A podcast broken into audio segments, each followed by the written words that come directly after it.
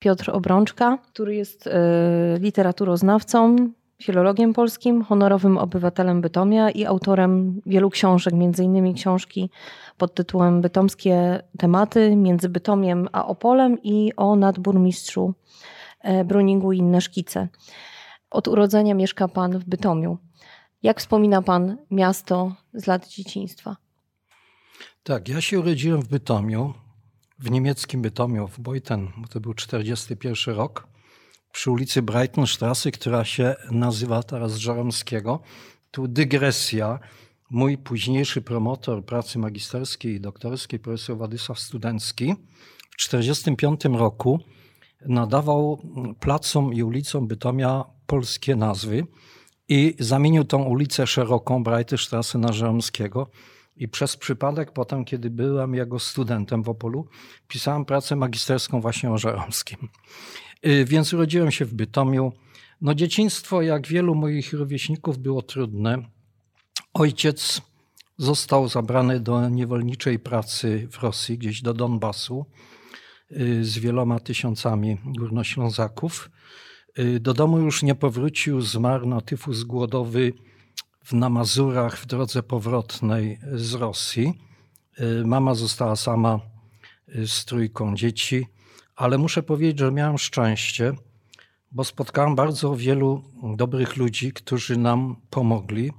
Chodziłem do szkoły w pobliżu do imienia, później imienia Kopernika, do czwórki Przychobrego, gdzie miałem znakomitych nauczycieli. Kierownikiem był pan Mikołaj Nazarewicz. Większość nauczycieli to byli ludzie ze wschodu, podobnie jak koledzy. W nomenklaturze komunistycznej nas nazywali autochtonami, tak jak kolegów ze wschodu nazywali nie wiadomo czemu repatriantami, bo to nie byli repatrianci, to byli ekspatrianci wygnani z ojczyzny. Repatriantem był Gierek, który z Francji do Polski przyjechał, ale jeżeli ktoś ze strony ze wschodu przyjeżdżał do Polski, to był ekspatriantem, a nie repatriantem. Ale muszę powiedzieć, Mimo iż większość kolegów mm, to byli Ślązacy, tutejsi, sporo było kolegów mm, ze wschodu, ale również z Polski Centralnej, Zagłębia, z Górnego Śląska, to nie było antagonizmów między nami. I druga rzecz, muszę powiedzieć, mm, rzadko kto na to zwraca uwagę, nie było w tamtych latach, a były to w końcu lata 40., 50., bo ja zacząłem szkołę w 48 podstawową, nie było na przykład czerwonego harcerstwa w tej szkole.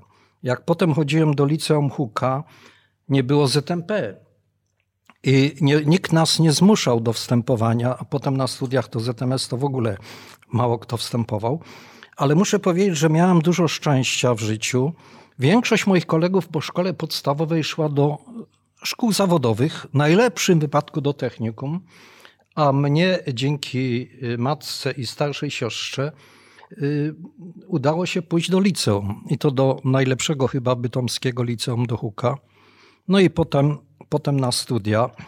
Y, to już nie jest dzieciństwo, to są lata y, licealne, kiedy miałam takich pedagogów jak doktor Urszula Szumska, która była opiekunką naszej klasy, magister, później doktor Leopold Kobierski i wielu innych.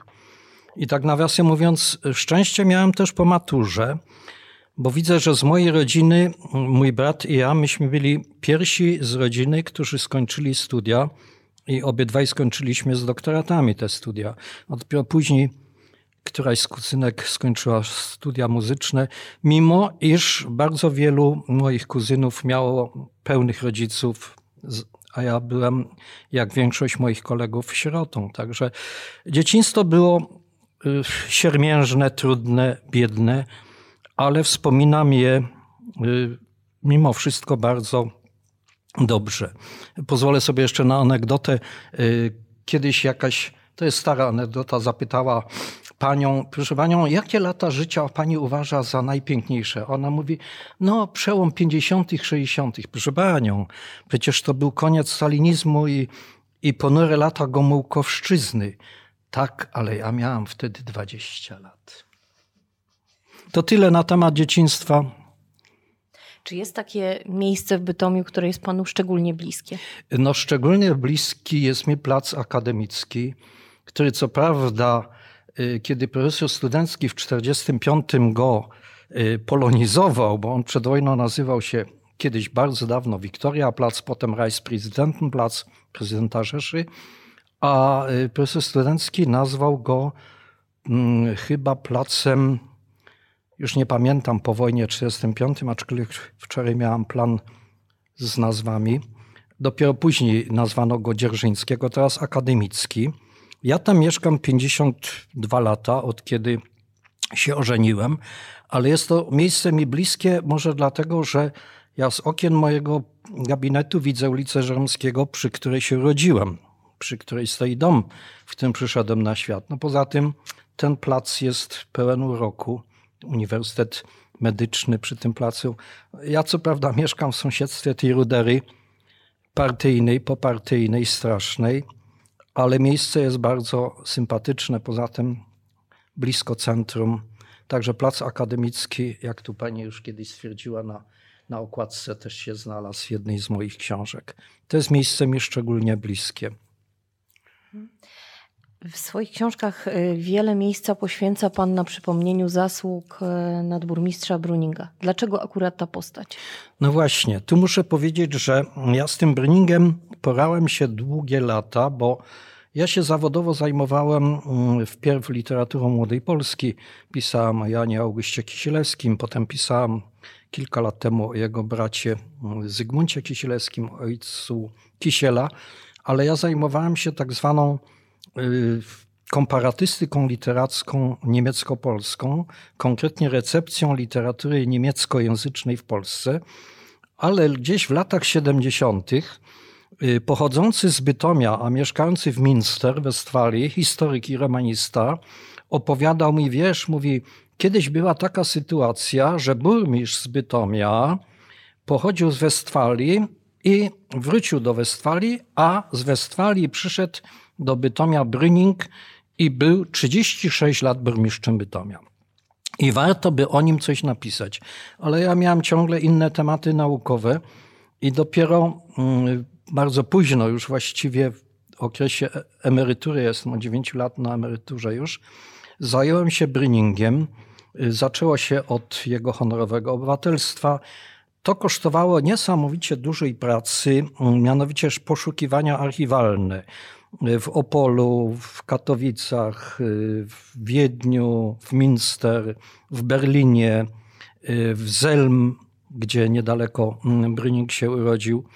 No i poza tym musiałem dotrzeć do opracowań o nim w języku niemieckim, trudno dostępne zresztą, i udało mi się bardzo wiele mm, ustalić o jego życiu, o jego dzieciach. O... I ciągle jeszcze otrzymuję mm, y, informacje o nowych materiałach, które jeszcze wykorzystam. Ale największy chyba, największe zadowolenie, że udało mi się tym bryningiem zainteresować ludzi Y, z jego najbliższej ojczyzny. Y, to są okolice Zelm, bo on urodził się w takim majątku Boclar koło Zelm, to jest Westfalia. Oni o nim nie wiedzieli. Tu znowu pozwolę sobie na anegdotę. Dla nas Bryning, ja kiedyś pisałem, jak było 750-lecie uzyskania praw miejskich przez Bytom, to kapituła, do której ja również należałam, wybierała dziesięciu najwybitniejszych w dziejach ludzi Bytomia i pierwsze miejsce zajął Bryning. Ale o tym Bryningu mało kto co wiedział. I muszę powiedzieć, wracając do tej anegdoty, to jest znowu anegdota y, podobno prawdziwa. Y, znaleziono mm, na Wileńszczyźnie staruszkę, która rzekomo znała młodego Adama Mickiewicza, który był jeszcze dzieckiem w jej latach już dojrzałych. I dziennikarz zapytał, panią, pani znała Adama Mickiewicza? A znałam, znałam. I co pani potrafi opowiedzieć o nim? Ona mówi, a był taki tu Adaś, Adaś, bardzo sympatyczny, ale poszedł świat potem i słuch o nim zaginął. Tak samo było z Bryningiem. Oni w Westfalii nie wiedzieli, że wydali tak wielkiego człowieka. I w tej chwili ja widzę, jest taki historyk z Zelm, Y, pan Gewicz, przyjeżdżał też do Bytomia, on wydaje takie pismo internetowe Aktenlage, gdzie pisze o wszystkich moich książkach i artykułach na temat Bryninga. Sam zainteresował się Bryningiem i w tej chwili ta wiedza o nim w Westfalii jest bardzo żywa i oni mają świadomość tego, że ta ziemia wydała najwybitniejszego burmistrza w dziełach Bytomia. 36 lat panował. Mało tego, ten historyk zainteresował się ostatnio architekturą y, Bytomia, secesyjną szczególnie. Mm, I y, zbiera materiały, prosił mnie też o pomoc. Ja nie jestem historykiem architektury, w ogóle nie jestem historykiem. Y, prosił mnie o pomoc w znalezieniu materiałów, zresztą on sam cały blok materiałów znalazł w Opolu. Chodzi o Karla Brugera. Ale to już, to już jest temat osobny, to jest problem tak zwanego Małego Wiednia. Czyli ten Bring, yy, może jeszcze o Brinningu. I tu jest smutna rzecz. Yy, biedny Brinning, ja kiedyś w wywiadzie z Marcinem Hałasie mówiłem, w 1945 roku zabrano mu willę. To, była, to był dar Bytomia dla Bryninga i jego żona do 50 roku tam żyła. Teoretycznie wnuki, które żyją jeszcze, kajzerowie, mogliby rościć prawo do tej willi. Dekretem Bieruta została zabrana. Zabrano mu, to jest oczywiste, patronat szkoły, bo ta szkoła obok willi to była Brünningsschule. Ulica Drzymały nazywała się Brünningsstraße. To możemy jeszcze zrozumieć. Ale, że zabrano mu grób nieopłacony na cmentarzu, wykopali jego zwłoki. My nie mamy dzisiaj grobu, bo jest grób jego żony i dwojga dzieci. A płyta, która jest pamiątkowa, ona jest na grobie żony, a grobu, my tylko wiemy, gdzie był grób, ale grobu nie ma. Także zabrano mu wszystko. I może na zakończenie Bryninga mówiłem tej dziennikarce, proszę panią, jaka jest świadomość mieszkańców Bytomia? Niech pani tu, myśmy się spotkali w Agorze, Niech pani zapyta tu przechodzących, czy oni wiedzą, kim był Bryning, albo gdzie w Bytomiu jest plac Bryninga. Mało kto wie. Y, prasa ciągle pisze skwer, a to jest plac, duży plac. Y, także Bryning to jest temat szeroki. Ja się łudzę, że jeszcze ktoś w przyszłości napisze popularną książkę na temat jego życia i działalności, bo to jest wielka postać. Ja się cieszę, że ona jest odkrywana nie tylko w Polsce, ale również w Niemczech, z których on pochodzi. Mhm. Panie profesorze, kilka lat e, spędził Pan na Uniwersytecie Wiedeńskim ucząc języka polskiego i wiedzy z zakresu kultury polskiej. No a wiadomo, że Bytom nazywany jest e, nie od dziś Małym Wiedniem. Na czym polega to podobieństwo między tymi miastami? Czy, czy w czym tkwi podobieństwo?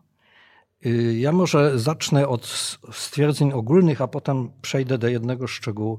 Mianowicie y, Wiedeń jest miastem pięknym, fascynującym. Ja faktycznie dwa lata pracowałem na uniwersytecie i ciągle do tego Wiednia wracam, ciągle jeżdżę tam. To jest jedno z piękniejszych miast Europy. Natomiast Bytom, dzisiaj może nie, ale w czasach przynajmniej Bryninga i później dwudziestoleciu, to było bezsprzecznie najpiękniejsze miasto na Górnym Śląsku. Z najpiękniejszym parkiem, y, z pierwszym na Górnym Śląsku teatrem, ze wspaniałymi placami, szkołami. Więc to jest ta rzucająca się w oczy piękno tego miasta. A powtórę architektura. Mówi się często o Bytomiu jako mieście secesji, co jest nie do końca prawdą, bo mamy i piękny gotyk, kościół mariacki, mamy piękny barok, kościół świętego ducha, mamy wspaniałe zabytki neogotyckie. Tu honorowy obywatel Bytomia Paul Jakisz, twórca chociażby obecnej szkoły muzycznej, czy konwiktu dawnego, mm, czy Kościoła Świętej Trójcy, ale jest też sporo secesji. I tu jedno nazwisko, ja już wspomniałam, Karla Brugera. On nie pochodził ze Śląska. To była prawa ręka Brüninga. I jego dzieła na szczęście się zachowały, no niestety nie zawsze w kształcie pełnym. Y, jest jego willa, jego dzieła, która była własnością Bryninga, przeszła w prywatne ręce. Jest y, szkoła Bryninga obok przy Alei Legionów. Jest y, dawny Krippelheim, czyli y, najpotężniejszy, najlepszy, najnowocześniejszy kiedyś w Prusach zakład rehabilitacji inwalidów. To jest obecny szpital wojewódzki numer 4. Niestety zeszpecony. Y, cała, mm, całe skrzydło lewe, zachodnie y, w prywatnych rękach się znalazło i do dziś dnia jest ruderą. A do tej pięknej architektury dobudowano nie wiadomo po co wieżowce z boku i z tyłu. Jest wspaniałe liceum przy placu Sikorskiego Karla Brugera, San Epit za operą. Jest y, szkoła przy placu Klasztornym, jest część szkoły mm, przy ulicy Chobrego Kopernika, część jest Bryninga, yy, Brugera. No i jest yy, willa Brugera. On sam wybudował sobie willę, to jest na skrzyżowaniu placu Kruczkowskiego i ulicy Powstańców Warszawskich. Y, dobudowali od strony redakcji Życia Bytomskiego szpetny blok taki, zeszpecili architektonicznie. Także jest tych śladów secesji, a Wiedeń jest stolicą secesji. W Wiedniu na każdym kroku znajdujemy szczególnie dzieła Otto Wagnera, najwybitniejszego twórcy secesji. Także tu gołym okiem, jak w Bytomie się widzi te dzieła Brugera, to widać, że to jest piękna secesja i stąd to określenie często mały Wiedeń. Y, wspomniany zresztą Giewicz zbiera materiały do Brugera, może kiedyś napisze o nim jakąś książkę, bo to jest, to był wybitny architekt. On ma nie tylko w Bytomiu, znaczy największe dzieła życia stworzył w Bytomiu, ale w Saarbrücken, w innych miastach niemieckich jest sporo jego budynków użyteczności publicznej.